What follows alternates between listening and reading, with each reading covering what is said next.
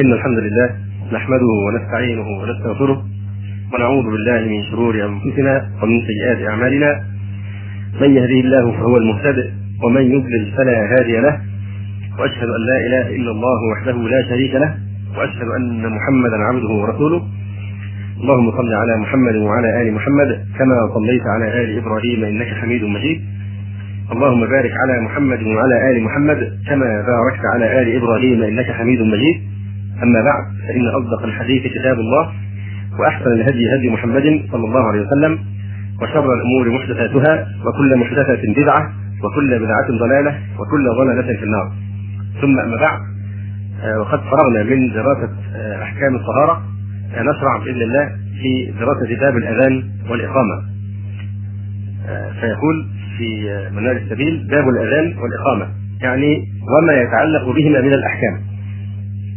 ولعل الحكمة في هذا الترتيب أنه يعني الترتيب بالنسبة لما يأتي بعده يعني هو قدم باب الأذان والإقامة على باب المواقيت مواقيت الصلاة. لأن الأذان إعلام بالوقت. فلما كان الأذان إعلاما بالوقت قدمه على الوقت نفسه. أما الأذان لغة فهو الإعلام ومنه قوله تبارك وتعالى وأذان من الله ورسوله أي إعلام من الله ورسوله. ومنه قوله تبارك وتعالى آآ ثم أذن مؤذن أيتها العير إنكم لسارقون يعني أعلم. ومنه قوله عز وجل وأذن في الناس بالحج أي أعلمهم به. ومنه قوله تبارك وتعالى آذنتكم على سواء. آذنتكم أي أعلمتكم. على سواء يعني وبهذا الإعلام صرنا مستوين في العلم بهذا الأمر. استوينا في العلم. وقال الحارث ابن حلزة اليشكري وهو من أصحاب المعلقات وهذا صدر إحدى معلقة صدر معلقته. يقول آذنتنا ببينها أسماء رب ساو يمل منه السواء. آذنتنا أي أعلمتنا آذنتنا ببينها أي بفرقها. أسماء رب ساو ساوي هو المقيم. يعني رب ساو يمل منه السواء. يقال أذن بالشيء يؤذن أذانا وتأذينا. إذا أعلم به فهو اسم مصدر. وأصله من الأذن وأصله من الأذن بفتحتين والأذن هو الاستماع. لأنه لأن المؤذن يعني يلقي في آذان الناس ما يعلمهم به. لأن آلة الاستماع هي الأذن فأخذ منه الأذن أي الاستماع لأنه يلقي في آذان الناس ما يعلمهم به. وأذن المؤذن بالصلاة أي أعلم بها. وفي المطلع كأنه يلقي في آذان الناس في آذان الناس بصوته ما إذا سمعوه علموا أنهم نودوا إلى الصلاة. وقال ابن قتيبة الأذان أو التأذين مأخوذ من الأذن.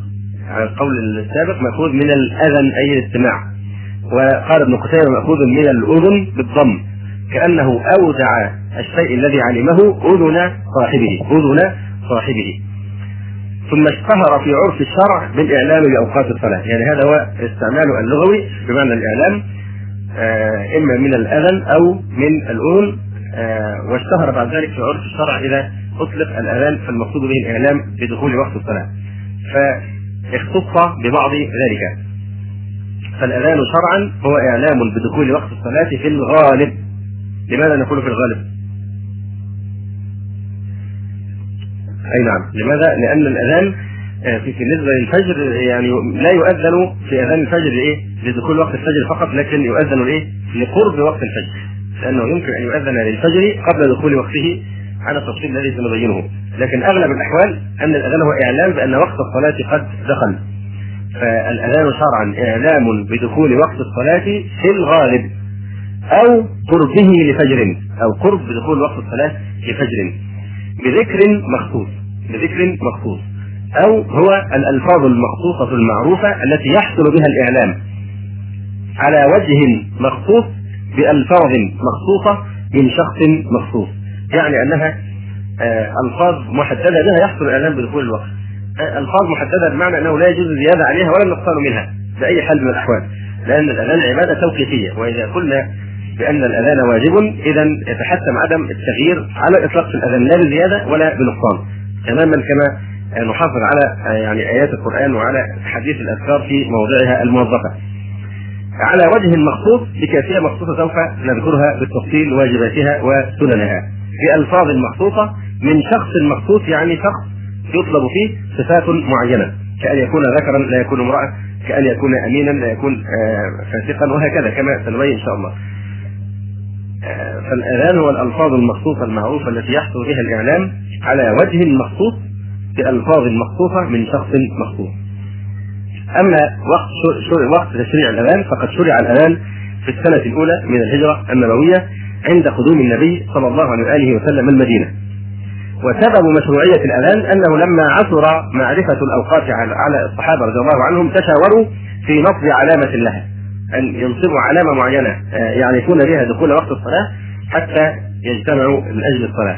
فأريه عبد الله بن زيد في المنام وأقره الوحي على ذلك وهذا هو الحديث آه الذي رواه اولا آه قبل قبل أن نذكر حديث عبد الله بن زيد نذكر حديث عبد الله بن عمر رضي الله تعالى عنهما. قال كان المسلمون حين قدموا المدينة يجتمعون فيتحينون الصلوات. يتحينون يعني يتربصون وقت الصلاة. ليس ينادى بها. لم يكن هناك نداء يجمع المسلمين للصلاة. فتكلموا يوما في ذلك. فقال بعضهم اتخذوا ناقوسا مثل ناقوس النصارى. وقال بعضهم بل بوقا مثل قرن اليهود. فقال عمر أولا تبعثون رجلا ينادي بالصلاة؟ يعني بدل أن تتشبهوا باليهود أو بالنصارى في اتخاذ البوق ينفخ فيه أو الناقوس الجرس يدق يدق فقال عمر أولا تبعثون رجلا ينادي بالصلاة؟ فقال رسول الله صلى الله عليه وسلم يا بلال قم فنادي بالصلاة. هذا الحديث متفق عليه. وطبعا هذا النداء ليس هو الأذان. يا بلال قم فنادي بالصلاة. في أول الأمر لم يكن هذا هو الأذان المعروف الآن. أو الذي عرف بعد ذلك في الحديث التالي إن شاء الله. لكن هو كان مجرد نداء إعلام بالصلاة لا بهذه الألفاظ بذاتها. يقول الإمام النووي رحمه الله تعالى هذا النداء دعاء إلى الصلاة غير الأذان. يعني ألفاظ أخرى غير الأذان. هلموا إلى الصلاة تعالوا صلوا. أي عباره أخرى لم تكن هذه الألفاظ المخصوصة. كان قبل شرع الأذان وعن عبد الله بن زيد بن عبد ربه الأنصاري رضي الله تعالى عنه قال لما أمر رسول الله صلى الله عليه وسلم بالناقوس يعمل ليضرب به للناس لجمع الصلاة طاف بي وأنا نائم رجل يحمل ناقوسا في يده. فقلت يا عبد الله أتبيع الناقوس؟ فقال وما تصنع به؟ فقلت ندعو به إلى الصلاة. نستعمله في إيه؟ في الإعلان عن دخول وقت الصلاة. قال أفلا أدلك على ما هو خير من ذلك؟ فقلت بلى. فقال تقول الله أكبر الله أكبر الله أكبر الله أكبر. أشهد أن لا إله إلا الله. أشهد أن لا إله إلا الله. أشهد أن محمدا رسول الله. أشهد أن محمدا رسول الله. حي على الصلاة. حي على الصلاة. حي على الفلاح. حي على الفلاح. الله أكبر. الله أكبر. لا إله إلا الله. ثم استاخر عني غير بعيد. هذا الشخص الذي رآه أو هذا الرجل الذي كان يحمل الناقوس في المنام أو في الرؤيا استأخر غير بعيد عنه. ثم تقول ثم قال ثم تقول إذا أقمت الصلاة الله أكبر الله أكبر أشهد أن لا إله إلا الله أشهد أن محمدا رسول الله حي على الصلاة حي على الفلاح قد قامت الصلاة قد قامت الصلاة. الله أكبر الله أكبر لا إله إلا الله. يقول فلما أصبحت أتيت رسول الله صلى الله عليه وسلم فأخبرته بما رأيت. فقال إنها رؤيا حق إن شاء الله. فقم مع بلال فألق عليه ما رأيت فليؤذن به. فإنه أندى صوتا منك. لأن صوت بلال أندى وأجمل وأعذب فألق آه، فقم مع بلال فألق عليه ما رأيت فليؤذن به. فإنه أندى صوتا منك. فقمت مع بلال فجعلت ألقيه عليه فيؤذن به. فسمع ذلك عمر بن الخطاب عمر بن الخطاب رضي الله عنه وهو في بيته. فخرج يجر رداءه. يقول والذي بعثك بالحق يا رسول الله لقد رأيت مثل ما رأى. فقال رسول الله صلى الله عليه وسلم فلله الحمد. هذا رواه أبو داود. قال النووي رحمه الله تعالى بإسناد صحيح. وروى الترمذي بعضه بطريق أبي داود وقال حسن صحيح وقال في آخره فلله الحمد وذلك أثبت فهذا فيما يتعلق ب آه، الأصل في الأذان وقصة بدايه آه، مشروعيته. أما مؤذن النبي صلى الله عليه وسلم فكانوا على اختلاف الأحوال خمسة. من المؤذنين بلال وابن أم مكتوم وأبو محذورة وسعد القرض وأخو صداع والأذان في الحقيقة يتضمن يعني معاني سامية وعظيمة وجامعة فالأذان والإقامة كلاهما كلام جامع لعقيدة الإيمان مشتمل على نوعه على الإيمان وأنواعه من الأمور السمعية أو الأمور العقلية. فأوله إثبات الذات. الله أكبر الله أكبر. هذا إثبات الذات الإلهية. وإثبات ما يستحقه سبحانه وتعالى من الإجلال والتبجيل والتعظيم. الله أكبر يعني الله أعظم وأجل من كل ما عداه ثم إثبات الوحدانية لله أشهد أن لا إله إلا الله. ونفي ضدها من الشركة المستحيلة في حقه سبحانه وتعالى. وهذا في قولنا أشهد أن لا إله يعني كفر بكل ما عبد من دون الله. وإلا الله الذي يستحق وحده أن يعبد ويعظم عز وجل. ففيه إثبات الوحدانية لله ونفي ما ينافيها ويضادها من الشركة المستحيلة في حقه سبحانه وتعالى. ثم إثبات الرسالة لنبينا محمد صلى الله عليه وسلم. أشهد أن محمدا رسول الله عليه الصلاة والسلام. ثم بعد ذلك إلى ما دعا محمد صلى الله عليه وآله وسلم دعا إلى عبادة الله ورأس عبادة الله وأم العبادات مطلقا هي الصلاة. بعد ما دعا إلى التوحيد وإلى الشهادتين يأتي ركن الصلاة. فلذلك جاء بعدها مباشرة آه، حي على الصلاة حي على الصلاة. دعاهم إلى الصلاة التي هي عمود الإسلام. ثم دعاهم إلى الفلاح. الفلاح معناه البقاء. الفلاح معناه البقاء. فالفلاح هنا المقصود به الفوز والبقاء في النعيم المقيم. حي على الصلاة يعني اعبدوا الله وأقيموا الصلاة كي تحوزوا على الفوز في الآخرة والنجاة والخلود في الجنة. البقاء. الفلاح يعني البقاء. حي على الفلاح. ففيه أيضا إثبات الدار الآخرة. وهذه من الغيبيات. ثم ذكر ذلك بعد ذلك بإقامة الصلاة.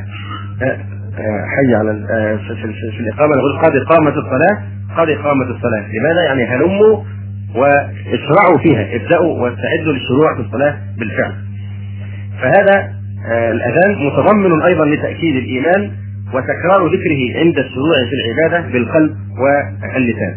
يقال الأذان أولا ثم تقال الإقامة لتأكيد هذه المعاني السامية التي يتضمنها يتضمنها كلاهما أيضا حتى عندما تشرع في الصلاة وتكرر ألفاظ الأذان أو قريبا منها في الإقامة هذا يعني آه لكي تشرع في هذه العبادة بقلبك وبلسانك كي تدخل فيها على بينة من أمرك وبصيرة من إيمانك وتستشعر عظيم ما دخلت فيه وعظمه حق من تعبده وجليل ثوابه تبارك وتعالى.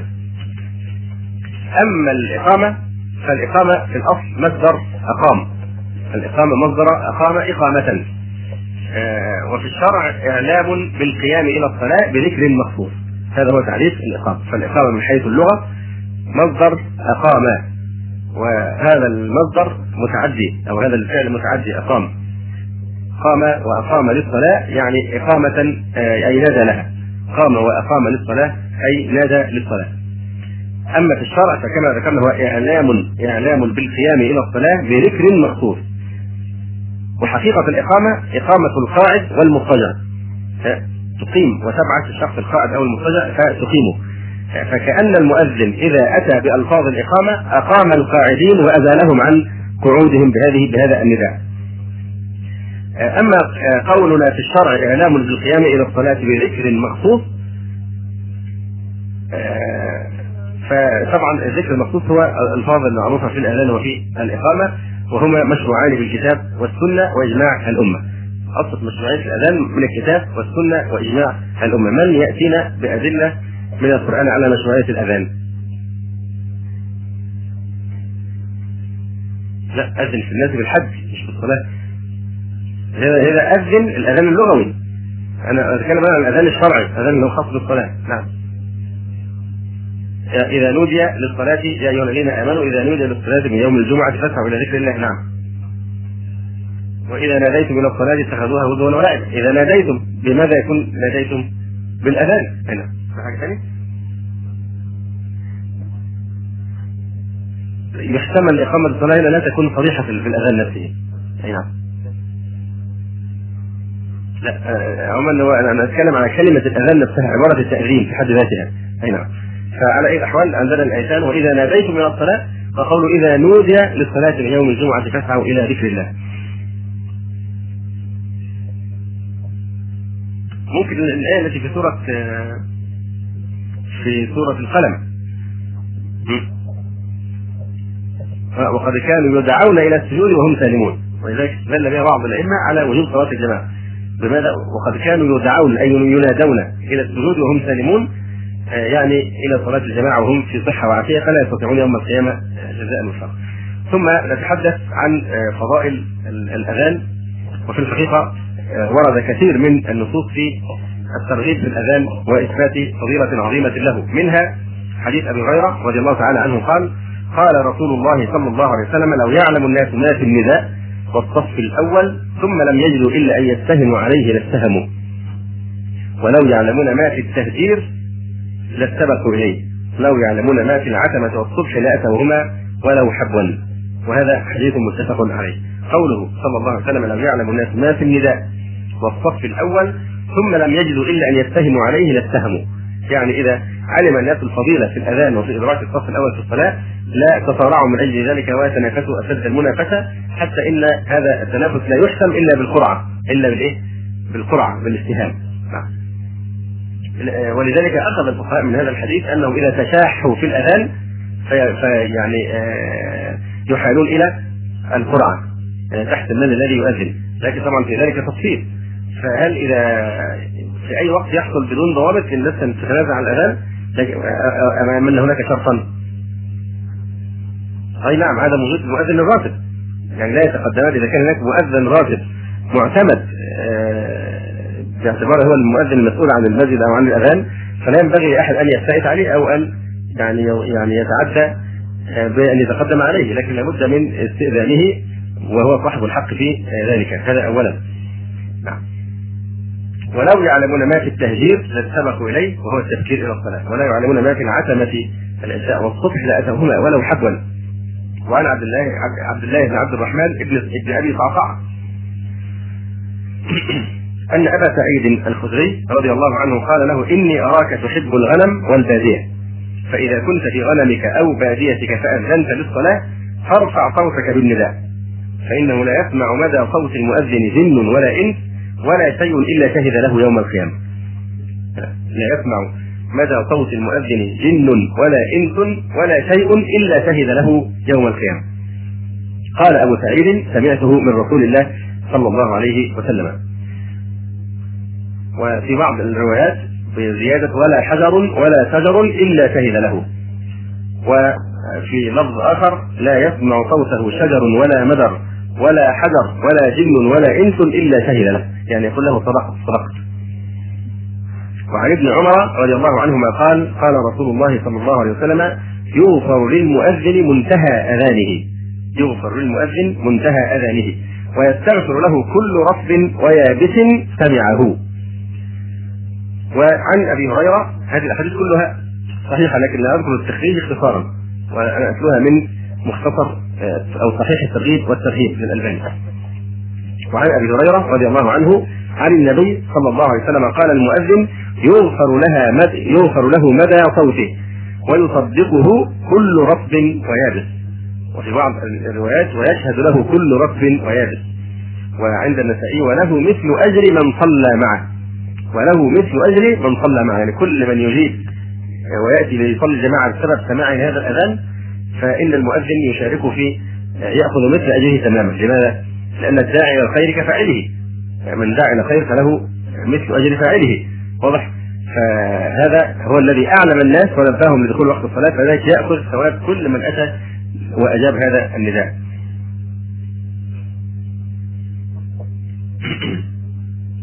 وفي رواية ابن حبان المؤذن يغفر له مد صوته ويشهد له كل رطب ويابس وشاهد آه، وشاهد الصلاة آه، وشاهد الصلاة.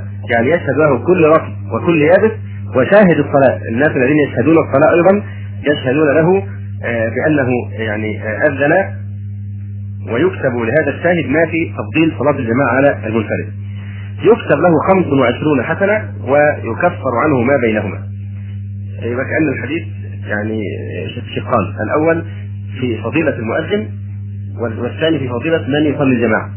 المؤذن يغفر له مد صوته ويشهد له كل رطب ويابس ثم كأنه يستأنف ويقول وشاهد الصلاة أي حاضر الجماعة يكتب له 25 حسنة ويكفر عنه ما بينهما. قال الخطابي رحمه الله تعالى: مدى الشيء غايته، المدى يعني الغاية. والمعنى أنه يستكمل مغفرة الله تعالى إذا استوفى وسعه في رفع الصوت. ما دام أخرج كل طاقته في سبيل أن يرفع صوته فإنه يعني يستحق المغفرة الكاملة. فيبلغ الغاية من المغفرة إذا بلغ الغاية من الصوت. يعني لا يقصر في ذلك في رفع صوته. وقال الحافظ رحمه الله ويشهد لهذا القول رواية من قال يغفر له مد صوته مد صوته أي بقدر مده صوته. بقدر مده صوته. يعني ليس المقصود المد الصوت انه يمد الحروف في غير مواضع المد. واضح وإلا كان لحنا. لكن يمد بمعنى قوة الصوت وشدة الصوت. وليس المقصود أن يقول مثلا أشهد أن لا إله إلا الله. فإن لفظ الجلاله لا يمد هذا المد. واضح؟ أو مثلا آه، مثلا الله أكبر. واضح هذا لحن وقد يفسد الأذان وقد يبطله إذا كان يؤثر على المعنى كما سنبين إن شاء الله لكن الله أكبر الله أكبر يعني يراعي قواعد التجويد تماما كما يفعل في قراءة القرآن الكريم واضح ليس المقصود المد ان يمد في غير مواضع المد لكن يمد في إيه؟ في مواضع لا, لا كما يفعل مؤذنه هذه الأزمان وأنا لله وأنا إليه راجعون يحولونها إلى يعني نوع من الإنشاد وإظهار آه، براعه الصوت وطول النفس وغير ذلك من هذه الأشياء. ويقول الخطابي رحمه الله تعالى فيه وجه آخر هو أنه كلام تمثيل وتشبيه يريد أن المكان الذي ينتهي إليه صوته. لو يقدر أن يكون ما بين أقصاه وبين مقامه الذي هو فيه ذنوب تملأ تلك المسافة غفرها الله عز وجل له. كأن لو كانت هناك ذنوب من المكان الذي هو يؤذن منه إلى منتهى المكان الذي يصل إليه صوته لو أن هذه مملوءه من ذنوبه لا استوعبتها مغفرة الله تبارك وتعالى. وعن البراء بن عازب رضي الله عنه أن نبي الله صلى الله عليه وسلم قال إن الله وملائكته يصلون على الصف المقدم والمؤذن يغفر له مدى صوته ويصدقه من سمعه من رفض ويابس وله أجر من صلى معه وله أجر من صلى معه. وقال صلى الله عليه وسلم المؤذن يغفر له مد صوته وأجره مثل أجر من صلى معه. وفي حديث آخر حديث أبي هريرة رضي الله عنه يقول صلى الله عليه وسلم الإمام ضامن والمؤذن مؤتمن. اللهم أرشد الأئمة واغفر للمؤذنين.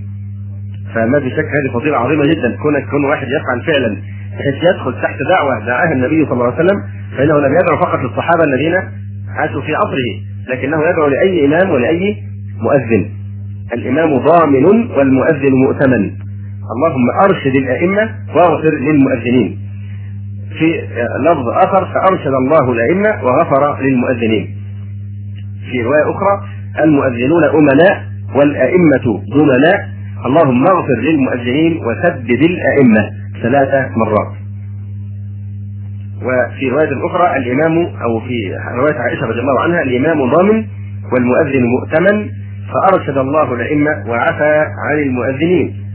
ومعنى قوله عليه الصلاة والسلام الإمام ضامن ضامن يعني متكفل لصلاة المأمون المأمومين ومعنى المؤذن مؤتمن أي أمين على مواقيت الصلاة وبعض العلماء قالوا مؤتمن يعني على العورات لأن المؤذن المفروض يكون على أو المستحب أن يكون أذانه على مكان عال فربما أشرف على البيوت المحيطة بالايه؟ بالمسجد فيطلع على العورات إن لم يكن عنده ورع فهذا هذا أحد معاني الأمانة التي يؤتمن عليها المؤذن. وعن أبي هريرة رضي الله عنه قال قال رسول الله صلى الله عليه وسلم إذا نودي بالصلاه أدبر الشيطان وله ضراط حتى لا يسمع التأذين فإذا قضي الأذان أقبل فإذا ثوب أدبر فإذا قضي التثويب أقبل. يعني التثويب هنا بمعنى الإقامة وهي التثويب بمعنى آخر نقول إن شاء الله.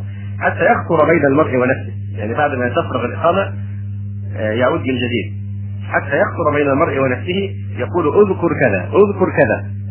فيذكر الإنسان لما يقول ويقول اذكر كذا اذكر كذا لما لم يكن يذكر من قبل حتى يظل الرجل لا يدري كم صلى. اذا هذا من الشيطان. يأتيك عند دخولك في الصلاة ويظل يذكرك بالأشياء التي آه، لا تذكرها وتكون نسيتها ويعاود تذكيرك بها حتى يشغلك عن الصلاة. ويحشف عليك كل المشاكل التي تنساها أو المشاغل التي تنساها. ولا تنتهي حتى تقول السلام عليكم ورحمة الله. فتبدأ المشاكل مع الوسوسه وهذه الخطرات. مع تكبيرة الإحرام وتنتهي مع التسليم. اذا هذا كيد من الشيطان الرجيم.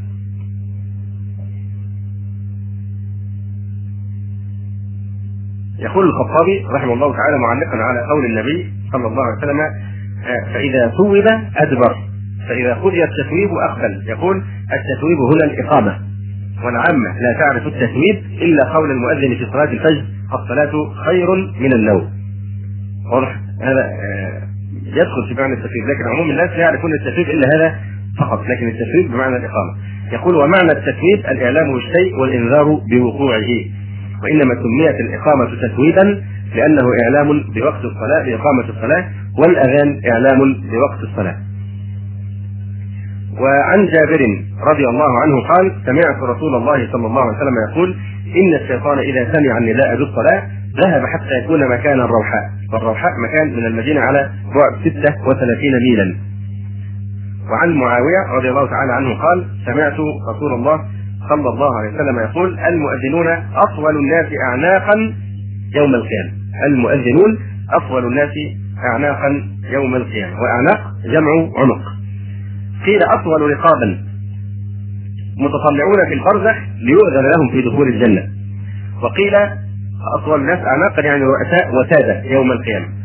ولابن حبان يعرفون بطول أعناقهم يوم القيامة. وعلى آه، رواية كسر الهمزة أطول اعناقا الاعناق هو المراد به سرعة السير. إذا في رواية أخرى تقرأ بايه؟ المؤذنون أطول الناس اعناقا الاعناق هو الإسراع في السير. فهم كأنهم يعني أسرع الناس سيرا يوم القيامة. وقيل أطول الناس اعناقا يعني أكثر اعمالا. ويعني يؤخذ من هذا استحباب رفع الصوت استحباب رفع الصوت بالاذان فهو أبلغ في الإعلام وأعظم في الاجر والأذان أفضل من الإقامة اتفاقا. وهل الامامه أفضل منه أو عكسه؟ سوف آه، نبين ذلك إن شاء الله قريبا بإذن الله. الحقيقة نحن إذا طلعنا فضائل الأذان علت همة كل إنسان يسمع هذه الفضائل أن يحرص على الأذان يحرص على أن يؤذن لا كما يحصل الناس من المتطوسين المتكبرين من آه، افراق هذا الزمان أو من آه، أبناء هذا الزمان الذين يعني إذا كان انسان عنده منصب مدير أو وزير أو آه، غني أو له وجاهة يستحي أن يؤذن ويعتبرون الأذان هذه وظيفة الناس المساكين الضعفاء المستضعفين الغلابة يعني. في حين إن المفروض يعني أصحاب المنازل العالية وأشرف الناس الذين يسعون إلى التأذين ولا يستكبر الإنسان عن مثل هذه الأفعال كما يحصل في هذا الزمان آه العجيب يعني. وكما يحصل أيضا استكبار مثلا عن المشاركه في حمل الميت في الجنازة. الناس اللي, اللي هم يعني آه متنسيين ما ينفعش الراجل لابس البدلة وهذا ورباط العنق و يعني متمسك بهذه الوجهات وهذه المناظر كيف يليق به انه يذهب ويحمل النعش؟ وخرجت علينا البدعة المضلة الآن ان يحملون الميت في داخل السيارات كاليهود والنصارى واضح؟ فالشاهد يعني أن هذا من المظاهر المؤسفه جدا. ينبغي أن الناس أهل الخير وأهل الفضل أن يتنازعوا ويتسابقوا ويتنافسوا في تحصيل مثل هذه الفضائل العظيمة. هذا شرف لا بعده شرف. نعم. وإذا سمعنا هذه الفضائل لا لا شك كل إنسان مؤمن وموقن بلقاء الله سبحانه وتعالى يحب أن يدخر هذا الثواب لنفسه بأن يتشرف بالأذان والإعلام بأشرف نداء في هذا الوجود وهو النداء إلى الصلاة المتضمن لهذه المعاني السميه التي ذكرناها. وعن أنس بن مالك رضي الله عنه قال: سمع النبي صلى الله عليه وسلم رجلا وهو في مسير له يقول الله أكبر الله أكبر. فقال نبي الله صلى الله عليه وسلم على الفطرة. حكم لهذا الرجل بأنه على الفطرة. فقال أشهد أن لا إله إلا الله. قال خرج من النار. فاستبق القوم إلى الرجل. استبق الصحابة يعني يبحثون عن هذا الرجل ماذا به. فإذا راعي غنم حضرته الصلاة فقام يؤذن. فانظر إلى هذا الفضل العظيم أن المؤذن إذا قال الله أكبر شهد له النبي عليه الصلاة والسلام أنه عن فترة ثم إذا تشهد يعني استحق الجنة بذلك. سمع النبي صلى الله عليه وسلم رجلا وهو في مسير له يقول الله أكبر الله أكبر. فقال نبي الله صلى الله عليه وسلم على الفطرة. أي الإسلام. فقال أشهد أن لا إله إلا الله. قال خرج من النار. فاتبق القوم إلى الرجل فإذا راعي غنم حضرته الصلاة فقام يؤذن. وعن أبي هريرة رضي الله تعالى عنه قال كنا مع رسول الله صلى الله عليه وسلم فقام بلال ينادي. يعني يؤذن. فلما سكت قال رسول الله صلى الله عليه وسلم من قال مثل هذا يقينا دخل الجنة. وعن عقبة بن عامر رضي الله عنه قال سمعت رسول الله صلى الله عليه وسلم يقول يعجب ربك من راعي غنم في رأس شظية للجبل. الشظية يعني هي عبارة عن قطعة تنقطع من الجبل لكنها لم تنفصل منه. قطعة من الجبل تنقطع منه لكن لم تنفصل منه. يعجب ربك من راعي غنم في رأس شظية للجبل. يؤذن بالصلاة ويصلي. فيقول الله عز وجل انظروا إلى عبدي هذا يؤذن ويقيم الصلاة يخاف مني. قد غفرت لعبدي وأدخلته الجنة. وعن ابن عمر رضي الله تعالى عنهما أن النبي صلى الله عليه وسلم قال من أذن اثنتي عشرة سنة وجبت له الجنة. من أذن اثنتي عشرة سنة وجبت له الجنة. وكتبت وكتب له بتأذينه في كل يوم ستون حسنة. وبكل إقامة ثلاثون حسنة. وطبعا هذا دليل على أفضلية الإقامة أفضلية الأذان بالنسبة للإقامة. من أذن اثنتي عشرة سنة وجبت له الجنة وكتب له بتأذينه في كل يوم ستون حسنة وبكل إقامة ثلاثون حسنة. وعن سلمان الفارسي رضي الله تعالى عنه قال قال رسول الله صلى الله عليه وسلم إذا كان الرجل بأرض قي قي يعني الأرض القصر المقصرة. إذا كان الرجل بأرض قي فحالت الصلاة. فليتوضأ فإن لم يجد ماء فليتيمم. فإن أقام صلى معه ملكاه. وإن أذن وأقام صلى خلفه من جنود الله ما لا يرى طرفاه. الحديث مرة ثانية عن سلمان الفارسي رضي الله تعالى عنه قال قال رسول الله صلى الله عليه وسلم إذا كان الرجل بأرض قي فحالت الصلاة. فليتوضأ. فإن لم يجد ماء فليتيمم. فإن أقام صلى معه ملكاه. يعني إيه معنى اقام يعني إذا اقتصر فقط على الإقامة ولم يؤذن. فإن أقام صلى معه ملكاه. وإن أذن وأقام صلى خلفه من جنود الله ما لا يرى طرفه فهذا فيما يتعلق بذكر بعض فضائل التأذين.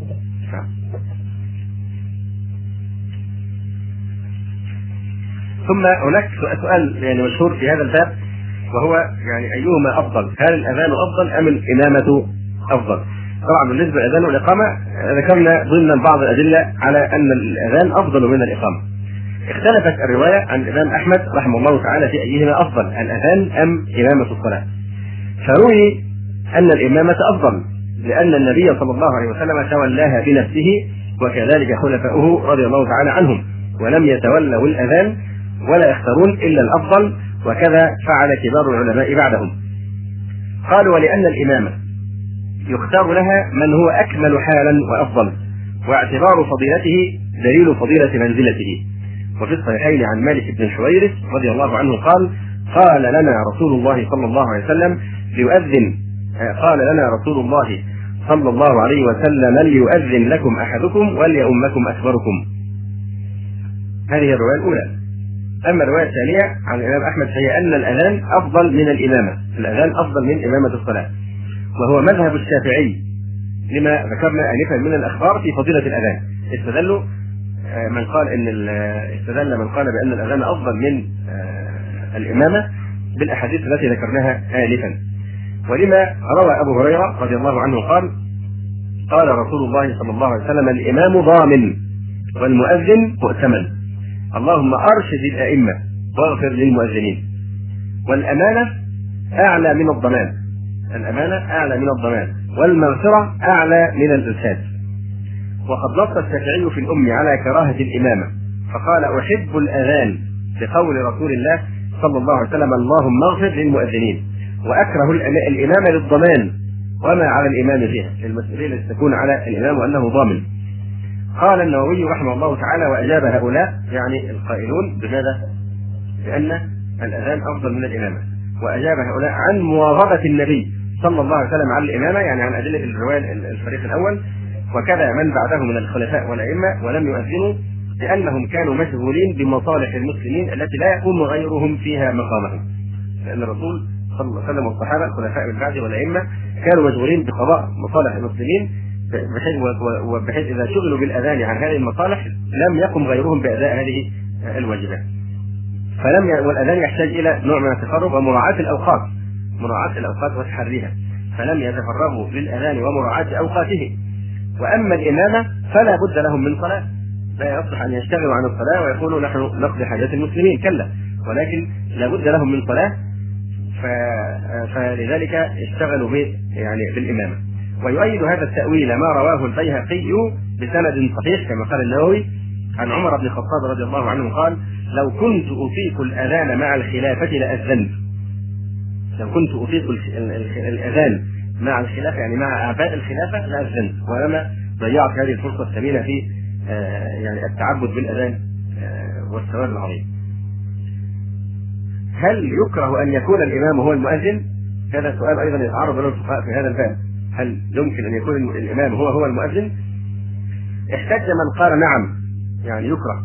بحديث يروى عن جابر رضي الله تعالى عنه مرفوعا ولفظه نهى أن يكون الإمام مؤذنا. وهذا رواه البيهقي وقال هو ضعيف بمرة. يعني هذا حديث ضعيف. فإذا لم يثبت في الجمع بينهما نهي فكراهته خطأ. من قال بالكراهة اعتمادا على هذا الحديث الضعيف فما دام لم يثبت حديث ينهى عن الجمع بين الإمامة وبين الأذان فالقول بالكراهة خطأ لأنه لا دليل صحيحا عليه. قال القاضي أبو الطيب من الشافعية أجمع المسلمون على جواز كون المؤذن إماما واستحبابه. واستحباب ذلك. وقال صاحب الحاوي في كل واحد من الأذان والإمامة فضل وللإنسان فيهما أربعة أحوال. حال يمكنه القيام بهما والفراغ لهما فالأفضل أن يجمع بينهما. واضح؟ اي أفضل الحالات أن يجمع بين الاذان والإقامة. كيف؟ إن هو يمكنه أن يتفرغ لمراعاة أوقات الصلاة بحيث الأذان وأيضا أن يؤدي الإمام في صلاة الجماعة. حال يمكنه القيام بهما والفراغ لهما يعني مجتمع أيضا في شروط المؤذن وشروط الإمام. فالأفضل أن يجمع بينهما. بعض العلماء أول ذلك قالوا يعني يحتمل أن يكون المقصود أنه يؤذن لقوم ويؤم آخرين. يؤذن لقوم ويؤم آخرين. نعم هذا محاولة لتأويل هذا الأمر يعني. لكن الظاهر أنه لنفس القوم أما الحالة الثانية حال يعجز عن الإمامة لقلة علمه وضعف قراءته لكنه يقدر على الأذان لعلو صوته ومعرفته بالأوقات فالانفراد للأذان أفضل. الانفراد للأذان هنا أفضل.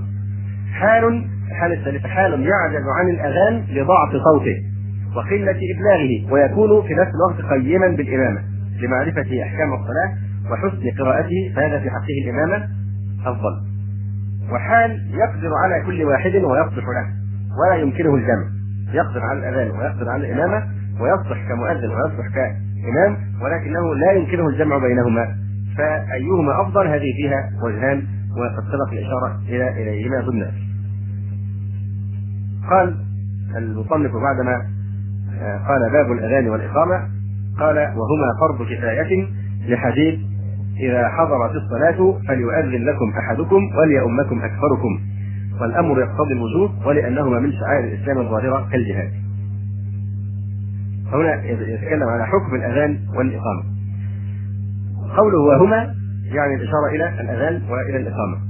فرض كفاية فرض ولم يقل فرضا كفاية. بالتثنية يعني للتطابق. لأنه مصدر. من كلمة الفرض هنا مصدر. أو لأنهما معا كالشيء الواحد أو على تقدير مضاف مثنى مضاف إلى متضمنه متضمنه يختار فيه لفظ الجمع على لفظ الإفراد. وهما فرض كفاية. يقول شيخ الإسلام ابن تيمية آه، رحمه الله تعالى هما فرض كفاية. طبعا هناك بعض يعني هناك ثمرة تظهر في الخلاف في حكم الأذان. يعني من قال مثلا فرض كفايه يترتب عليه ثمرة معينة عمليه إذا قال سنة أيضا يترتب عليه شيء آخر. فإذا قلنا فرض كفاية فليس لأهل مدينة ولا قرية أن يدعوهما. اذا فرض الكفايه في الأصل يكون موجها إلى من؟ تخاطب به الأمة كلها. تخاطب به الأمة. فإذا قام به البعض سقط عن الباقين وإذا لم يقوموا به اثموا جميعا. يقول شيخ الإسلام هما فرض كفاية فليس لأهل مدينة ولا قرية أن يدعوهما. وقد أطلق طائفة من العلماء أن الاذان سنة. وكثير منهم يطلقون القول بالسنية على ما يثاب فاعله شرعا ويعاقب تاركه شرعا. فالنزاع لفظي. هذا قول شيخ الإسلام. النزاع بعض العلماء يقولون سنة مؤكدة وبعضهم يقول فرض كفاية. فيشير شيخ الإسلام إلى أن النزاع هنا لفظي. وفي الحقيقة هم يعني الذين يقولون سنة مؤكدة يؤثمون من تركها. فكأن الحقيقة واحدة. وفرض الكفاية ما يلزم جميع المسلمين إقامته. وإذا قام به البعض سقط عن الباقين وفرض العين ما يلزم كل واحد إقامته بعينه ولا يسقط عن البعض. وفرض الكفاية أفضل من فرض العين من حيث إن فاعله يسد مسد الأمة ويسقط الحرج عن الأمة أما فرض العين فقاصر عليه. يقول وهما فرض كفاية لحديث إذا حضرت الصلاة هذا حديث رقم 213 إذا حضرت الصلاة فليؤذن لكم أحدكم وليؤمكم أكثركم. يقول والأمر يقتضي الوجوب ولأنهما من شعائر الإسلام الظاهرة كالجهاد. والإشارة إلى حديث مالك بن الحويرث هذا الحديث المذكور وحديث مالك بن الحويرث رضي الله عنه. وعن أبي الدرداء رضي الله تعالى عنه مرفوعا ما من ثلاثة لا يؤذن ولا تقام فيهم الصلاة إلا استحوذ عليهم الشيطان فعليكم بالجماعة فإن الذئب يأكل الشاة القاصية هذا رواه أحمد وأبو داود والنسائي وغيرهم. ما من ثلاثة لا يؤذن ولا تقام فيهم الصلاة إلا استحوذ عليهم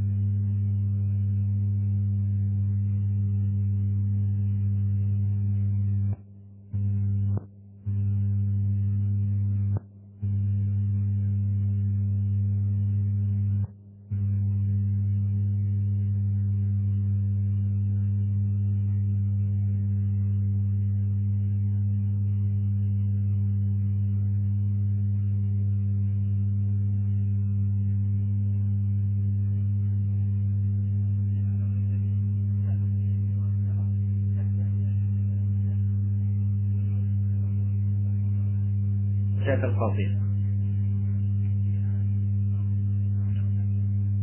قال ابن رشد والأمر بالأذان منقول بالتواتر والعلم به حاصل ضرورة ولا يرده إلا كافر. من أنكر شريعة الأذان فهذا آه، يكون كافرا. لماذا؟ أنه ينكر شيء معلوما من الدين شيئا معلوما من الدين بالضرورة ولا يرده إلا كافر يستتاب فإن تاب وإلا قتل.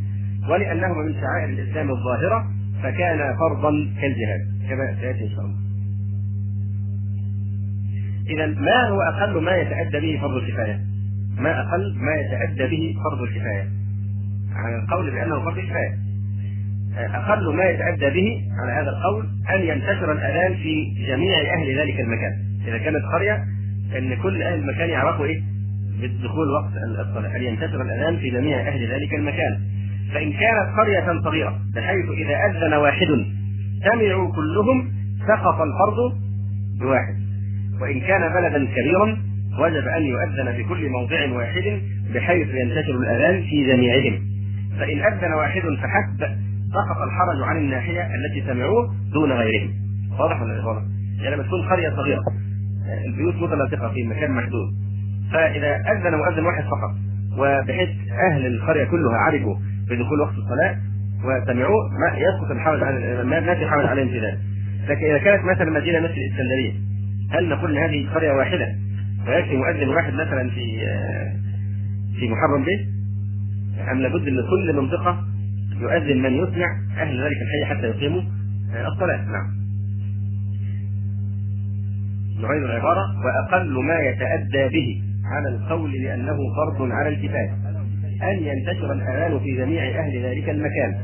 فإن كانت قرية صغيرة حيث إذا أذن واحد سمعوا كلهم سقط الفرض بواحد. وإن كان بلدا كبيرا وجب أن يؤذن في كل موضع واحد بحيث ينتشر الأذان في جميعهم.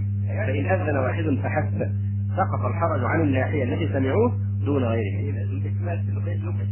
يذكر العلماء هنا أن هي من ثمرات الكلام في الأذان هو سنة. وأكد أن هو فرض آه، أو سنة من فرض كفاية. من ثمرتها حكم من؟ حكم من حكم أهل قرية أو مدينة إذا اجتمعوا على تركه وطولبوا بأدائه فامتنعوا. ماذا؟ آه، يكون الموقف منهم؟ الموقف أنهم يقاتلون على منعه يقاتلون على منعه فقاتلوا أهل بلد تركوا الأذان والإقامة. لكن هنا الحقيقة كثيرا ما يسيء بعض الإخوة للأسف الشديد فهمت هذه النصوص. لما نيجي نتكلم عن تارك الصلاه ونقول تارك الصلاة يقتل أو الذي يفعل كذا يقتل. فإن تاب وإلا قتل. طبعا لابد أن يتبادر إلى ذهننا في بعض المعلومات التي هي في كتب أهل العلم والفقه. أن القتل هنا ليس موصولا إلى أحد الناس. اقامه الحدود سبق أن تكلمنا فيها بالتفصيل من يقيم الحدود. وللاسف كالعاده لم ينتشر يعني هذا الدرس مع اهميته آه لكن سبق الكلام في هذا الأمر. من يقيم الحدود. وذكرنا أن إقامة الحدود بإجماع المسلمين منوطة بالإمام أو نائبه أو من يقوم مقامه. فمتى ما يعني تحضير هذا المعنى في أي موضع ولا تقوم الفقه؟ يقول فلان إذا الذي فعل كذا. فإن تاب وإلا قتل الذي يقتله هو الإمام وليس الأمر إلى أحد الرعية وإلا تكون ثورة ويكون استحلال لحرمات الناس بالظلم أو بالجهل وبدون استيعاب الشروط التي وضعها الشرع قبل معاقبة الناس. واضح؟ فلابد أن نستحضر هذا المعنى. وإلا فكثير من الناس آه، يعني آه، يتلقون عن الكتب مثل هذه المعاني ثم يتسرعون في تطبيقها فتحصل من وراء ذلك يعني بلايا ونكبات وتتسبب في قرقرة الدعوة إلى الوراء كثيرا جدا. بسبب العجب وإعجاب كل ذي رأي برأيه الله المستعان.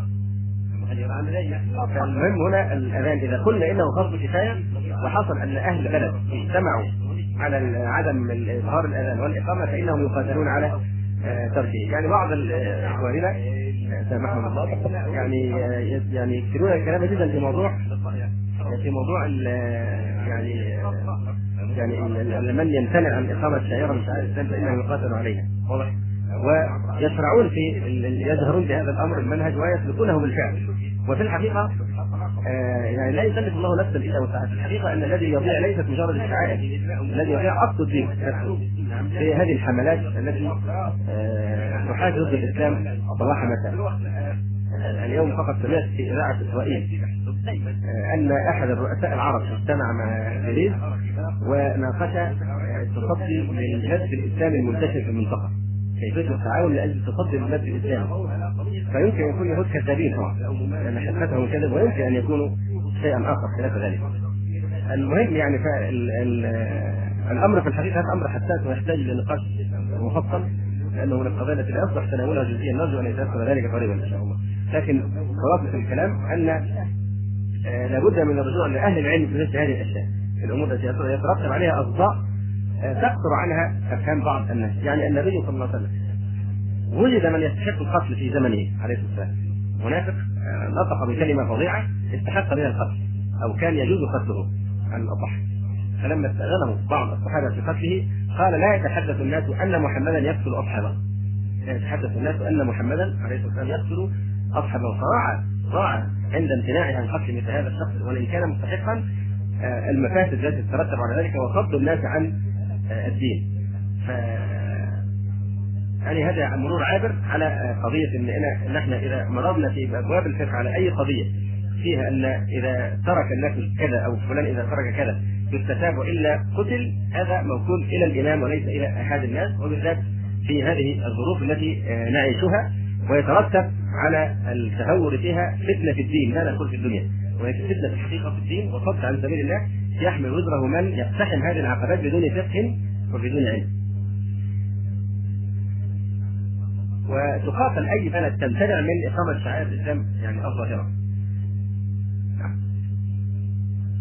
وشيخ الإسلام يقول حتى على قول من يقول إن الاذان والإقامة سنة وليس فرض كفاية فايضا آه، يقاتل يقاتل أهل البلد إذا امتنعوا من ذلك بعد أن طلبوا به اجماعا. وقال شيخ الإسلام إن النزاع بين الفريقين نزاع لفظي فإن كثيرا ما يطلق لفظ السنة على ما يعاقب تاركه.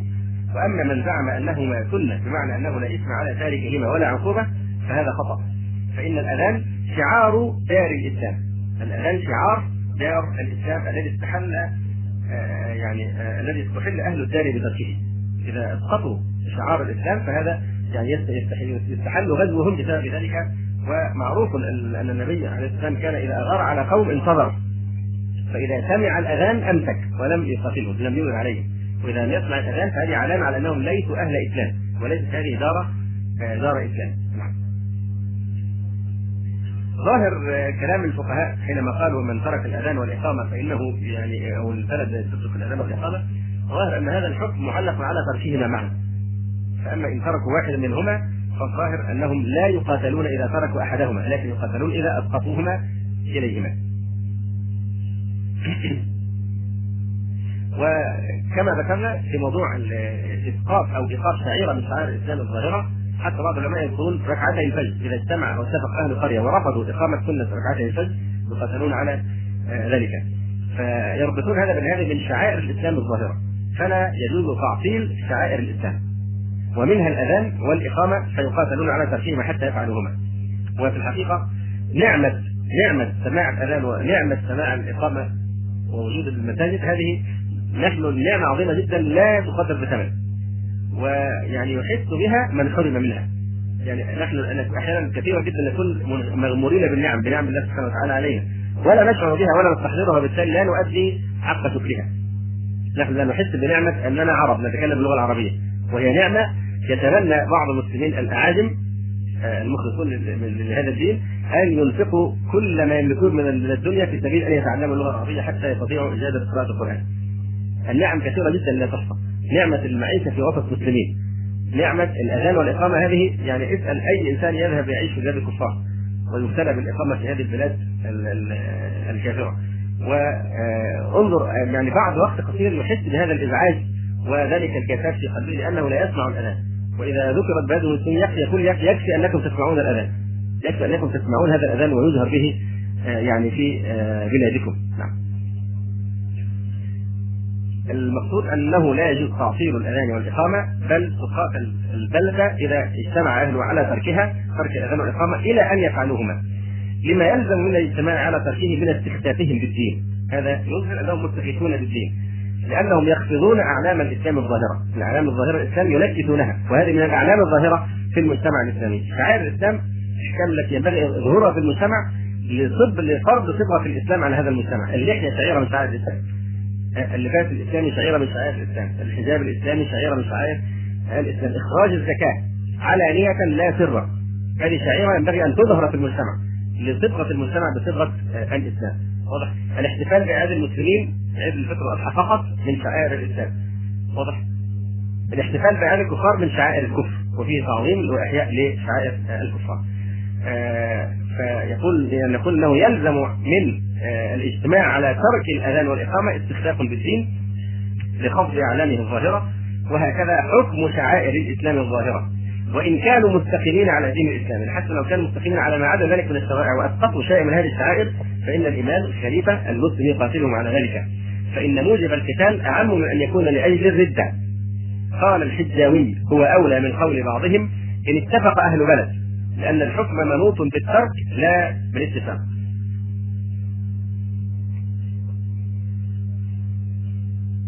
وكان صلى الله عليه وسلم يعلق استحلال الدار بترك الأذان. فإنه إذا لم يسمع أذانا أغار عليهم. لكن لماذا توقف عن الإغارة عليهم؟ لأنه حكم بأنهم مسلمون. ما كانش فيه بقى توقف ولا آه، تبين ولا تثبت وإلى آخر هذا الكلام الذي نسمعه في هذا الزمان من الخوارج الجدد. اكتفى بالظاهر. الظاهر إيه؟ انه يؤذنون اذا هؤلاء مسلمون. واضح. ويعاملهم على هذا الأساس ما داموا يظهرون شعائر الإسلام. والشعائر جمع شعار أو شعارة. نعم. ممكن يقال آه، شاء شاء بفتح الشين شعار أو سي شعار. أي علامات؟ والواحد شعيرة. والمراد هنا أنهما أي الأذان والإقامة من أجل علامات الإسلام وهو الصلاة. بظهور أجل صفاتها الظاهرة وهو الاجتماع لها. نداء في المجتمع يرفع بصوت الأذان ونداء التوحيد وينادي إلى ماذا؟ إلى أجل وأعظم شعائر الصلاة، بعض الناس يعني أحد الإخوة يعرفه كان في وقت من الأوقات يعني يتعمد التخلف عن صلاة الجماعة فلما عجب في ذلك يقول أنا أخشى من الرياء. شعائر الظاهرة ما فيها شيء اسمه رياء. لابد أن تأتي وتحاسب على شعائر الإسلام الظاهرة وتقيمها تعظيما لشعائر الإسلام وإبقاء للصبغه الإسلامية على المجتمع. والنية بعد ذلك عليها أنت بينك وبين ربك. لكن لابد أن تأتي العبادات الظاهرة لابد أن يأتي الإنسان بها لا يفتق وكان يساء به الظن. فهذا من تلبيس إبليس. شعائر الظاهرة لابد أن تكون ظاهرة كما ذكرنا وأنتم سترون كيف الكفار يحرصون على نحو صبغة الإسلام واطفاء صبغة الكفر على بلادنا ذلك تلك الكنائس التي تزرع وبالذات في مداخل البلاد تعلمون سكه الحديد هنا في مصر الذي أقامها؟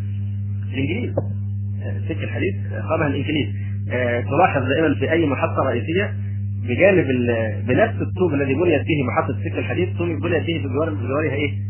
كنيسة إذا منهور في القاهرة في أي مكان تجدون كنيسة ويحرصون على أن تكون شامخه آه والآن طبعا بتبنى بال بالقطن المسلح الخالص يعني آه اللي اغراض الله بها عليه. واضح؟ فحريصون جدا مداخل البلاد مداخل المدن. لماذا؟ كي يصبغوا وينزعوا صبغة الإسلام ويصبغوا بلاد المسلمين بصبغة يعني الكفر والعياذ بالله. فهذا أمر ليس بالامر الهين هذا أمر ليس بالأمر الهين بل هذه الشعائر هي من متعبدات الإسلام ومن معالمه الظاهرة. آه، مأخوذة من كلمة إيه؟ شعرت. شعرت أي علمت. آه، في الحديث إيه؟ اوما شعرت أو اوما شعرت أن الله أفتاني فيما استفتيته فيه. آه، يعني اوما علمت. نعم.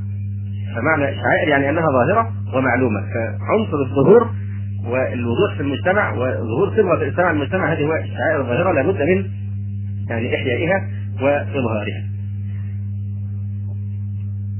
إذا صلى إنسان بدون أذان شخص صلى بدون أذان ولا إقامة تصح الصلاة لأن الأذان والإقامة ليس شرطا في إيه؟ في الصلاة.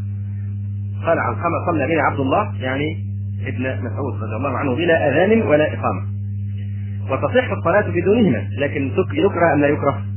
يكره آه، بدونهما. آه، يكره يكره يعني الصلاة بدون أذان وبدون إقامة إذا تركهما معا. لكن إذا فعل أحدهما انتفت الكراهة. انتفت الكراهة. والمنقول عن النبي صلى الله عليه وسلم الجمع بينهما أو الاقتصار على الإقامة. ونص أحمد. لو اقتصر أو اقتصر مسافر أو منفرد على الإقامة. يعني إذا كان مسافرا أو منفردا يقتصر على الإقامة.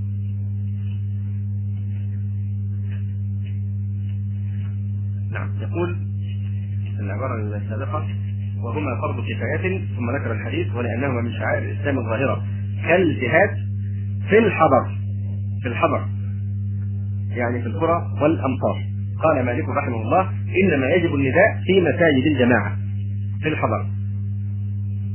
وقال مالك الحضر هي القرى والامصار والقرية هي الضيعة والمحلة والدار والمصر الجامع. آه قال مالك إنما يجب النداء في مساجد الجماعة يعني المساجد التي يجمع فيها للصلاة لماذا؟ لأن الأذان إيه هو الأذان؟ الأذان عبارة عن إعلام بالوقت لماذا تعلم الناس بالوقت؟ ليعلم الناس آه أن وقت الصلاة قد دخل فيجتمعوا في المسجد من أجل الصلاة ويدركوا الجماعة هذه حكمة تشريع آه الأذان فالمصر الجامع أو كل مكان اتصلت به الأبنية واتخذ قرارا وجمع الناس وتقع على المدن وغيرها والأمطار أكبر وربما توسع فيها فاطلقت على المدينة وما يليها من البلاد. وقول هنا في الحضر يعني آه فإن يعني الأذان والإقامة آه ليست فرضا على المسافرين ليست فرضا على المسافرين وليس فرضا أيضا على العبيد أي المماليك كما سنبين إن شاء الله. وبعض العلماء في رواية أخرى الإمام أحمد قال إنها فرض كفاية مطلقا مطلقا في حضر أو في سفر في حديث مالك وغيره. ولأنه صلى الله عليه وسلم لم يدعهما حضرا ولا سفرا. الاذان والاقامه ولأنه من أعلام الدين الظاهرة. وهو ظاهر إطلاق طائفة من الأصحاب. وقال ابن المنذر واجبان على كل جماعة في الحضر والسفر. أي جماعة؟ في الحضر والسفر. لأمره صلى الله عليه وسلم مالكا ومداومته عليه هو وأصحابه. ولا فرق بين النصف والقرى والحاضرين والمسافرين والواحد والجماعة. ثم يقول في الحضر على الرجال. يعني إنما هذا الحكم في الحضر أنه فرض كفايه على الإيه؟ في الحضر على الرجال. أما النساء فليس عليهن أذان ولا إقامة. قاله ابن عمر وأنس وغيرهما ولا نعلم من غيرهم خلافهم. قاله في الشرح. وقوله على الرجال أي ليس الأذان والإقامة فرض كفاية على الرجل. طبعا كلمة الرجال تفيدنا حاجتين. تفيدنا اولا إنه ليس فرضا على النساء وليس فرضا على الواحد. لأنه إيه؟ آه يعني في الحضر على الرجال. فرض كفاية على الرجال يعني على الجماعة. فإذا قلنا بأن أقل الجمع اثنين واضح فنستخرج من ذلك أو نستخدم ذلك الواحد. فإنه ليس فرضا عليه إذا كان واحدا. فليس الأذان والإقامة فرض كفاية على الرجل بل على اثنين فأكثر. والجمع هنا غير مقصود حقيقة. يعني وهو كذلك دل على أن أقل الجمع اثنان. وقال في الفروع وهما أفضل لكل مصل. يعني هذا أفضل أن لكل مصلي حتى لو كان واحدا أن يؤذن ويقيم إلا لكل واحد ممن بالمسجد. فلا يشرع. اللي داخل المسجد لا يؤذن ولا إيه؟ ولا يقيم لكن لأن هذه وظيفة مختصة به المؤذن والمقيم بل لكن الموجود في المسجد بيحصل الفضيلة كقراءة الإمام للمأموم. المؤذن يقوم مقامه في ذلك خاصة إذا كان يردد وراءه إيه؟ الأذكار كما هو معلوم. نعم. فأما النساء فليس عليهن أذان ولا إقامة. وذكرنا إن إحنا لا نستثني فقط النساء لكن نقول النساء والإيه؟ والواحد. والواحد. هذا بحيث إن هو فرض لكن إذا أذن وأقام أفضل.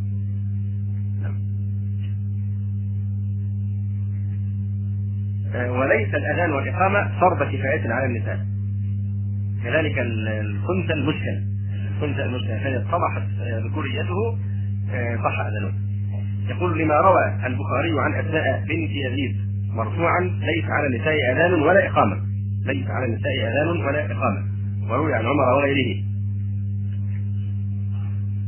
قال الشارح وغيره لا نعلم عن غيرهم خلافهم. لا نعلم خلاف ذلك. لأن الأذان شرع له رفع الصوت ولا يشرع لهما ولا يصحان منهن. الإقامة والإذان المرأة كيف تؤذن ممكن المرأة تدفع على المسجد وتؤذن والمرأة أصلا ندبت إلى خفض الصوت إلا لحاجة واشترط في صوتها أن يعني أن تخضع بالقول واضح؟ فندبت المرأة إلى الستر قدر المستطاع فقال الوزير اتفقوا على أنهما لا يشرعان لهن. الأذان والإقامة لا يشرعان للنساء ولا يسنان إلا الشافعية في الإقامة. الشافعي استحب للنساء الإقامة فقط. فقال تسن لقصة عائشة وعنه يستحبان لهن وعنه الإقامة. يعني فيها خلاف كما ترون. ثم يقول في الحضر على الرجال الأحرار. على الرجال الأحرار. يعني لا الأرقاء. العبيد والمماليك لا يفترض عليهن. لماذا؟ لا الأرقاء لاشتغالهم بخدمة ملاكهم في الجملة. وفرض الكفاية لا يلزم رقيقا في الجملة.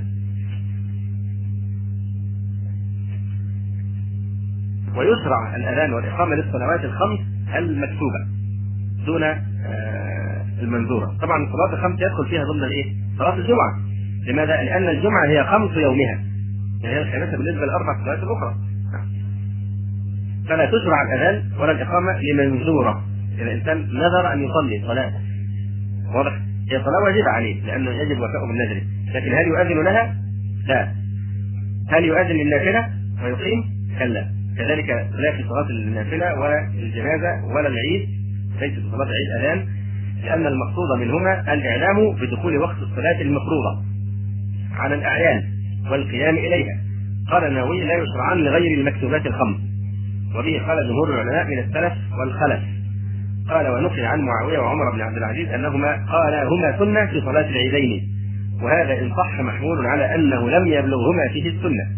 وكيفما كان هو مذهب مردود. يعني لا يحتمل ابدا أن يصح قول بأنه ينادى لصلاة العيد صلاة صلاة العيدين بالأذان والإقامة. لا أذان ولا إقامة في صلاة العيد.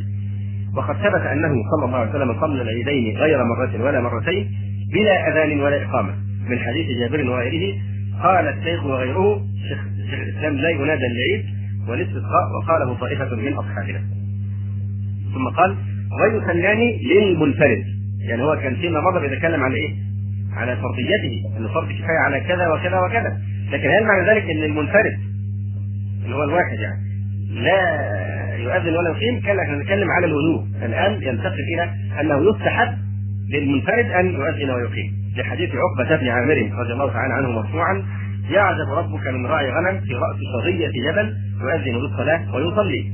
فيقول الله عز وجل انظروا إلى عبدي هذا يؤذن ويقيم الصلاة. يخاف مني قد غفرت لعبدي وأدخلته الجنة. هذا رواه النسائي وهذا حديث رقم آه، أربع عشرة ومائتين. وهناك أثر في الحقيقة في الموطأ عن ابن المسيب. من صلى بأرض فلا صلى عن يمينه ملك وعن شماله ملك فإذا أذن وأقام الصلاة صلى وراءه من الملائكة أمثال الجبال. ويغني عنه في الحديث حديث من؟ سلمان. حديث سلمان الفارسي الذي ذكرناه في بداية الكلام. يقول ويسناني من الذي قال سلمان؟ ويقول ويسناني للمنفرد وفي السفر. وفي السفر لقوله صلى الله عليه وسلم لمالك بن الحويرث وابن عم له إذا سافرتما فأذنا وأقيما وليؤمكما أكبركما. وهذا متفق عليه. إذا سافرتما فأذنا وأقيما وليؤمكما أكبركما. لكن هذا على أنه إيه؟ سنة في السفر أيضا. لكن بعض العلماء قالوا لا هذا لا يدل على السنة لكن هذا يدل على الفرضية واجب. لماذا؟ لأن هذا أمر. لأن هذا أمر. استظهر غير واحد الفرضية لحديث مالك بن الحويرث إذا سافرتما فأذنا وأقيما وليؤمكما أكبركما. وهذا حقيقة متجه لأن هذا فعل أمر. صيغة الأمر وغيرها الوجوب. يستحب الأذان والإقامة أيضا آه للصلاة المقضية للصلاة المقضية. يعني إذا واحد يقضي صلاة فائتة فيستحب له أيضا أن يؤذن ويقيم لكن إذا كانت مجموعة من الصلوات ماذا يفعل؟ يؤذن في الأولى ثم يقيم لكل واحدة منهم منهم منها. يعني فيستحب يستحبان للصلاة المقضية. لحديث عمرو بن أمية الضمري قال كنا مع النبي صلى الله عليه وسلم في بعض أسفاره فنام عن الصبح نام عن الصبح ثم أمر بلالا فأذن. ثم أقام الصلاة. ثم أمر بلالا فأذن. ثم أقام الصلاة. وهذه الصلاة كانت إيه؟ مقضية. خرج وقتها وإن كانت في حقها حقه هو طبعا هذا هو الوقت بالحاله الاستثنائيه يعني. رواه أبو داود وغيره ولمسلم وغيره نحوه إلا أنه لا يرفع صوته في القضاء إن خاف تلبيسا. ما يجيش واحد بيقضي الصلاة مثلا نفرض نفرض واحد نام حتى نفرض كده حتى الساعة مثلا العاشرة صباحا. هل يؤذن للصلاة التي يقضيها؟ بحيث إنه يرفع صوته؟ ما دام يخشى أن يلبس على الناس الناس إذا سمعت تقول الظهر إيه؟ حان وقت الظهر فيصلون الظهر. فإن خشي تلبيسا فلا يؤذن. نعم. كذا في غير وقت الأذان المعهود له عادة. كذا في غير وقت الأذان المعهود له الأذان عادة. وكذا في بيته البعيد عن المسجد. بل يكره لئلا يضيع من يقصد المسجد. ما يتوهش يمكن لو في بيت بعيد عن المسجد واحد عابر سبيل مش عارف مكان المسجد وسمع اذان آه، يتوقع المسجد في هذه المنطقة واضح؟ أيوه ويسلان لجماعة ثانية في غير الجوامع الكبار. وإن كان في بادية رفع صوته بالأذان لأمن اللبس إن كان في البادية رفع صوته بالأذان لأن في البادية في الصحراء. يأمن أن يلبس على أحد إيه دخول الوقت. ولما رواه البخاري وغيره إذا كنت في غنمك وباديتك فأذنت بالصلاة فارفع صوتك بالنداء. فارفع صوتك بالنداء فإنه لا يسمع مدى صوتك جن ولا إنس ولا شيء إلا شهد لك يوم القيامة. ويكرهان للنساء. ويكرهان للنساء ولو بلا رفع صوت. لماذا؟ لأن الأذان والإقامة هما وظيفة الرجال ففيه نوع تشبه بهم. ولا يصحان إلا مرتبين متواليين عرفا. ولا يصحان إلا متواليين ومرتبين عرفا. لأنه شرع كذلك. شرع إن في الاذان اولا تليه الايه؟ الإقامة. فلم يجد الاخلال بهذا الترتيب قال في الكافي لأنه لا يعلم أنه لا يعلم أنه أذان بدونهما. لا يعلم من الأذان أذان بدون مراعاة الإيه؟ الترتيب والتوالي حتى في الألفاظ اللي هي مذكورة في الأذان والإقامة. فإن سكت سكوتا طويلا أو تكلم بكلام طويل بطل للإخلال بالموالاة. فإن كان يسيرا جاز. قال البخاري في صحيحه وتكلم سليمان بن سرد في أذانه. وقال الحسن لا بأس أن يضحك وهو يؤذن أو يقيم. طبعا مش معنى هذا لا بأس يعني يخطب ويتمام. هذا إذا إذا حصلت. بلفظ الواحد حصل شيء فضحك وهو يؤذن في مكان يبطل أذانه لا يبطل. ساعات بعض الإخوة يتشبثون بمثل هذه الأشياء العابرة. يعني نذكرها على سبيل شيء عابر. فيتمسك بهذا الشيء ويقيم الدنيا ولا هذا حول مثل هذه الأشياء التي هي إنما هي يعني آه، عارض آه، خاطر عارض يعني له مقصود بالأساس يعني. فهونوا على أنفسكم. أحيانا تأتي أسئلة فإن بعض الاخوه يعني يتشبثون بمثل هذه القضايا وفي الحال تبقى بعض الأوراق. فيعني هونوا مرروا مثل هذه القضايا إيه العابرة ولا تقفوا عندها طويلا. نعم لا يصحان إلا مرتبين متواليين يعني تماما كترتيب أركان الصلاة كترتيب أركان الصلاة يكون لك ترتيب بالنسبة لبعضها آه، للبعض الآخر وفي نفس الوقت وبالنسبة للموالاة الا يفصل بينها زمن إيه؟ طويل. لأنه ذكر معتد به فلا يجوز الاخلال بنظمه. ولأنه إذا نكسه لا يعلم السامع أن ذلك أذان. لو نكس الأذان وجاب مثلا كلمة مثلا آه، حي على الفلاح وبعدين قال أشهد أن لا إله إلا الله وبعدين قال حي على الصلاة وبعدين قال أشهد أن محمدا رسول الله. هذه هل من يسمعه يعلم أن هذا اذان؟ يكون هذا إنسان يذكر الله. ولا يصح إلا منويا يعني لابد المؤذن أن ينوي لقوله عليه الصلاة والسلام إنما الأعمال بالنية وما أمروا إلا ليعبدوا الله مخلصين له الدين. فلا بد من نية لأن ممكن واحد يقوله ويقصد به الذكر. واضح؟ فالنية كما ذكرنا مرارا تميز بين الفرض والنفس. واضح؟ وبين العادة والعبادة وقوله متواليين عرفا. متواليين عرفا يعني يكون في توالي المولاة بعد الترتيب.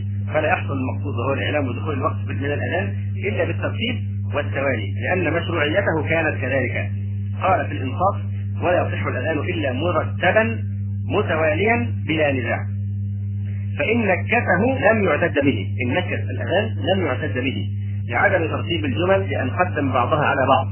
قال في الإنصاف بغير خلاف يعلمه وسمي بذلك لأنه نكت يعني خلف في السنة خلف الموجود في السنة. قال الجوهري نكته بمعنى قلبه ولا تعتبر الموالاة بين الإقامة والصلاة إذا أقام عند إرادة الدخول فيها. لا تعتبر الموالاه بين الإقامة وبين الصلاة. آه، ما دام أقام إذا كان الشخص أقام الصلاة وهو يريد أن يدخل فيها ثم حصل نوع من الفصل واضح يعني هو أقام الصلاة مثلا وهو ناسي إنه مثلا غير متوضئ الإمام. أقام الصلاة أو أمر المؤذن بالاقامه وهو آه يعني آه حصل يعني شيء أي عذر من الأعذار بحيث إنه إيه بعد ما أقام الصلاة وهو ينوي الدخول في الصلاة حصل فصل ولم يحصل يعني موالاه كما في هذه الحالة ما دام هو عند إقامة الصلاة أراد الدخول في الصلاة لا يضر الفصل أو لا لا, تعتبر الموالاة في مثل هذه الحال لأن النبي صلى الله عليه وسلم لما ذكر أنه جنب ذهب فاغتسل ولم يعدها لم يعد الإقامة. انه كان ناسيا أنه جنب. وظاهر هذا الحديث طول الفصل. وهذا يعني طبعا مرتبط بما بما لم يخرج من المسجد أو يشتغل بغير الصلاة. واحد يشتغل بفعل آخر غير فعل الصلاة وهو قد اقام وقيمة الصلاة ثم يفصل بين الصلاة وبين بين الإقامة وبين الدخول فيها بأي فعل أجنبي خارج تماما عن الصلاة ولا علاقه بالصلاه فطبعا هذا آه، لا ينطبق على ما نذكره بل فقام الموالاه. ويستحب الإحرام بعد فراغه من الإقامة. من فقه الرجل أن مجرد إقامة الصلاة يشتغل بتسويه الصفوف لأن هذه من إقامة الصلاة. تسويه الصفوف من من من إقامة الصلاة نفسها يعني داخله في قوله وأقيموا الصلاة. واضح للأسف الشديد يوجد الآن يعني توجد بعض البدع عند بعض الأئمة آه، يعني آه، يقف مستقبل القبلة وقتا طويلا. يعني هو مش مستقبل من أجل تسويه الصلاه يظل مستقبل القبلة رافعا يديه ربما يدعو ويدعو ويدعو وربما جهر بالدعاء ويظل المؤمنون يرددون وراءه هذا الدعاء. في الحقيقة بدعة سيئة. بدعة سيئة لابد إنك أنت تشتغل في إقامة الصلاة ثم تبادر بالإحرام. آه، فور استقبال يعني القبلة. فيستحب الإحرام بعد فراغه من الإقامة. كما كان حال النبي صلى الله عليه كما كان حال النبي صلى الله عليه وسلم وخلفائه من بعده واستمر عمل المسلمين عليه. يجوز الكلام بين الأذان وبعد الإقامة قبل الصلاة. وطبعا يعني يجوز الكلام أيضا مش عايزين نقف كثيرا عند مثل هذه العبارات ونفصلها يجوز الكلام يعني إذا إذا عرض شيء يعني إذا فعل لا ياثم لكن مش معنى مش كل شيء يجوز نتمادى فيه. مش كل شيء يجوز نتمادى فيه. روي عن عمر رضي الله عنه أنه كان يكلم الرجل بعد ما تقام الصلاة وهو مذهب الشافعي لكن الأولى تركها إلا لحاجة. الأولى أن لا تشتغل باي كلام بعد إقامة الصلاة إلا لحاجة. نعم يقول وأن يكون من واحد وأن يكون من واحد. يعني أن يكون المؤذن هو هو آه يعني المقيم. فلا يصح أن يبني على أذان غيره. يعني يجي واحد مثلا يقول الله أكبر الله أكبر أشهد أن لا إله إلا الله أشهد أن لا إله إلا الله أشهد أن محمدا رسول الله ويقف. يجيب واحد ثاني يكمل بعد منه والثاني يبني على على على ما مضى كلا بل لابد أن يستأنف. من البداية فلا يعني هذا معنى وأن يكون من واحد. فلا يصح أن يبني على أذان غيره. ولا على إقامته. لماذا؟ لأن هذه عبادة بدنية تؤدى باللسان. فلم يبنى فعله على فعل غيره كالصلاة قاله في الكافي وفي الإنصاف لو أذن واحد بعضه وكله آخر لم يصح بلا خلاف أعلمه. يعني وقال العلماء إنه حتى لو كان العذر يعني واحد أذن بعض الأذان. ثم توقف عن إكمال الأذان وأتى واحد آخر أكمله لا يعتد بهذا الأذان. حتى لو كان العذر مثلا مثل حتى لو كان العذر مثل مثلا ان مات مات المؤذن وهو بيؤذن. وجاء واحد كمل ما ما يصلح. واضح؟ كذلك إذا جن أو حاضر أي عارض يمنعه من إتمام الأذان. بعذر فلا يعتد بهذا الأذان. واضح؟ أن يكون من واحد يعني شخص واحد هو الذي يؤذن أو شخص واحد هو الذي يقيم. ولا يبني على فعل غيره لأن هذه أعمال بدنية لا تدخلها النيابة. نعم لابد أن يعلن أو يستأنفه. بنية منه طبعا الحديث الذي آه، أشرنا إليه لقول النبي عليه السلام إنما الأعمال بالنيات وشرط كونه مسلما. شرط يشترط المؤذن أن يكون مسلما. فلا يعتد بأذان الكافر لأنه من غير أهل العبادات. الكافر لا تصح منه العبادة حتى وإن كان مطالبا بالفروع إلا أن يشهد شهادة الحق ويدخل في الإسلام حينئذ تصح منه. فأول شرط المؤذن ده شيء طبيعي أن يكون مسلما. ذكرا فلا يعتد بأذان أنثى. كيف يكون هنا لا يؤدد بدن الأنثى مع ان ذكرنا من قبل خلافا بين العلماء في هذه المرأة تؤذن وتقيم أم لا؟ بعض العلماء ان تؤذن وتقيم طبعا كل هذا الكلام مقصود إيه؟ نقول تؤذن أو تقيم وبعضهم قال تقيم فقط هذا تقيم بالنسبة لمين؟ بالنسبة للنساء لكن الكلام هنا في حق الإيه؟ الرجال وشرط كونه كلامنا الان المؤذن والمقيم اللي هو في المسجد يعني آه مسلما ذكرا فلا يعتد بأذان أنثى لأنه يشرع فيه رفع الصوت وليست من أهل ذلك. قاله في الكافي. ليست المرأة من أهل رفع الصوت. فإذا أذنت المرأة للرجال للرجال لم يصح ولم يعتد به بالإجماع. حكاه الوزير من الوزير؟ ابن هريرة وغيره. للنهي عن رفع صوتها فإن أذنت للنساء فلا بأس لقصة عائشة. تؤذن للنساء بحيث تسمع النساء فقط ولا يتعدى صوتها إلى الرجال. نعم. عاقلا مميزا. هذه أيضا من شروط المسلما. ذكرا عاقلا مميزا. عاقلا يعني فلا يصح الأذان للمجنون ولا يصح الأذان من طفل غير مميز. طفل غير مميز. لماذا؟ لأنهما من غير أهل العبادة. لكن إذا كان الشخص عاقلا مميزا فيصح أذانه. لماذا؟ ان مثل هذا تصح صلاته اذا إذا صلى. يعني الطفل الصبي المميز الصبي المميز مثلا ثمان سنوات تسع سنوات. تصح صلاته أم لا تصح؟ تصح صلاته. كما تصح صلاة البالغ. لقول عبد الله ابن أبي بكر بن أنس كان عمومتي يامرونني أن أؤذن لهم وأنا غلام لم أحتلم. وأنس بن مالك شاهد لم ينكر ذلك. وهذا مما لا يخفى ولم ينكر فكان كالإجماع. وهذا هو مذهب مالك وغيره. إذا اعتمد على بالغ. وحكى في كتاب رحمة الأمة الإجماع عليه اللي هو صحة إيه اذان المميز قال الشيخ شيخ الإسلام واختاره أكثر الأصحاب قال والاشبه أن الأذان الذي يسقط به الفرض عن أهل القرية ويعتمد في وقت الصلاة والصيام لا يجوز أن يباشره صبي قولا واحدا ولا يسقط ولا يعتمد في مواقيت الصلاة. وأما الأذان الذي يكون سنة مؤكدة في مثل المساجد التي في مصر ونحو ذلك ففيه روايتان والصحيح جوازه. وفي الاختيارات وأما صحة أذانه في الجملة وكونه جائزا إذا أذن غيره فلا خلاف في جوازه. وحكى الوزير وغيره الإجماع على استحباب أن يكون بالغا. طبعا لأن الأذان يحتاج مهارات أخرى غير مجرد أن يكون مميزا. واضح يعني ذلك بعضهم استحب أن يكون معتمدا على بالغ يعني يكون معاه شخص آخر كبير هو الذي يوجهه له الآن حضر الوقت الآن كذا واضح ثم يقول عاقلا مميزا ناطقا ناطقا هذا طبعا شرط بديهي يعني لا يكون اخرس وإلا كيف ينطق بالأذان؟ نعم عدلا ولو ظاهرا عدلا ولو ظاهرا فلا يصح أذان فاسق لأنه صلى الله عليه وسلم وصف المؤذنين بالأمانة والفاسق غير أمين وأما مستور الحال فيصح أذانه قال في الشرح بغير خلاف على علمناه. نعم. هنا اشتراط العدالة حتى لو كانت العدالة ظاهرة بمعنى أنه يصح أذان مستور الحال. يصح أذان مستور آه، الحال. أما هل الفاسق إذا أذن يجزي أذانه أم لا؟ الفاسق من الفاسق؟ الفاسق هو الشخص الذي أصلا الفسق مأخوذ من إيه؟ من فسقت الرطبة. فسقت الرطبة إذا آه، خرجت يعني. واضح؟ فالفاسق الذي يخرج عن أمر الله، يفسق عن أمر ربه. كان الجن ففسق عن أمر ربه خرج عن طاعة الله عز وجل. فالفاسق هو الشخص الذي يجهر بالمعصية وبالخروج عن طاعة الله ولا يبالي. فهذا يدل على أنه إيه؟ ليس معظما لحرمات الله تبارك وتعالى وبالتالي ترتب عليه بعض الأحكام كرد شهادته وغير ذلك واضح من الفاتح روايتان أقواهما عدمه أقوى الروايتين عن الامام احمد أن اذان الفاتح لا يجزي لمخالفة أمر النبي صلى الله عليه وسلم. وأما الاذان الفاتح ما سمي فاتحا إلا لأنه يظهر بإيه؟ بمخالفة أمر النبي عليه الصلاة والسلام. وأما نصب الفاسق مؤذنا فلا ينبغي قولا واحدا. إيه الفرق بين أذان الفاسق إجزاء أذان الفاسق وبين نصب آه، الفاسق مؤذنا